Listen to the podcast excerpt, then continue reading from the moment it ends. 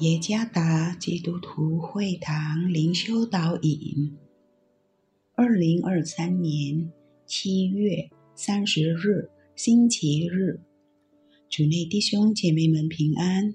今天的灵修导引，我们要借着圣经耶利米书十八章第一到第六节来思想今天的主题：重新塑造。作者李米沙牧师，耶利米书十八章第一到第六节，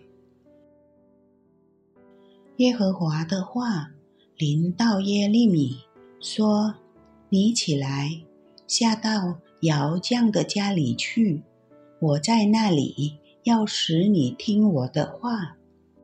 我就下到窑匠的家里去。”正欲他转轮做器皿，窑匠用泥做的器皿在他手中做坏了，他又用这泥另做别的器皿。窑匠看怎样好，就怎样做。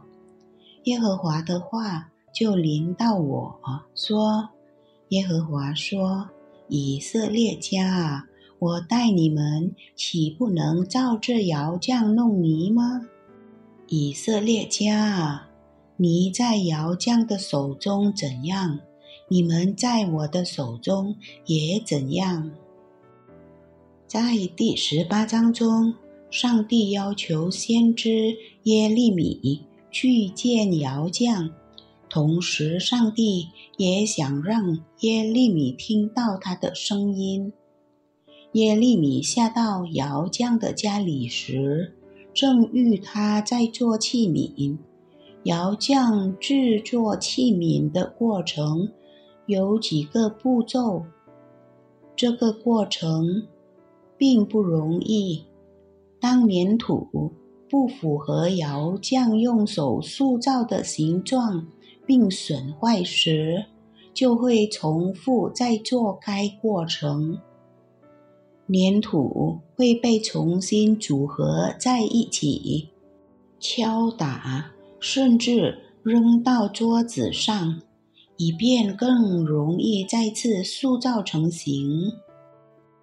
神带耶利米来跟窑匠学习，是因为神要告诉他，人的生命过程好像器皿被塑造成型一样。就如粘土不会自动成为美丽的器皿，然而粘土必须经过几道过程才能塑造成优良品质的器皿。若是错过了任何一步，窑匠就得不到好的器皿，需要重新再塑造。我们必须理解，我们生命中的每一个时刻都是一个过程。上帝每时刻都在塑造我们，让我们变得更好、更合神心意。因此，我们必须学会献上自己的生命，谦卑地降服于神，这样。我们的生命才能被伟大窑匠神的手所塑造。感谢神，借着各种事故来实施塑造的过程。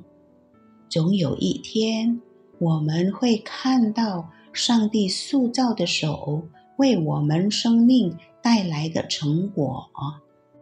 我们会感恩与上帝一起。所经历的这一切，我们的生命在伟大尧匠神的手中，一定会更合神心意。主耶稣赐福。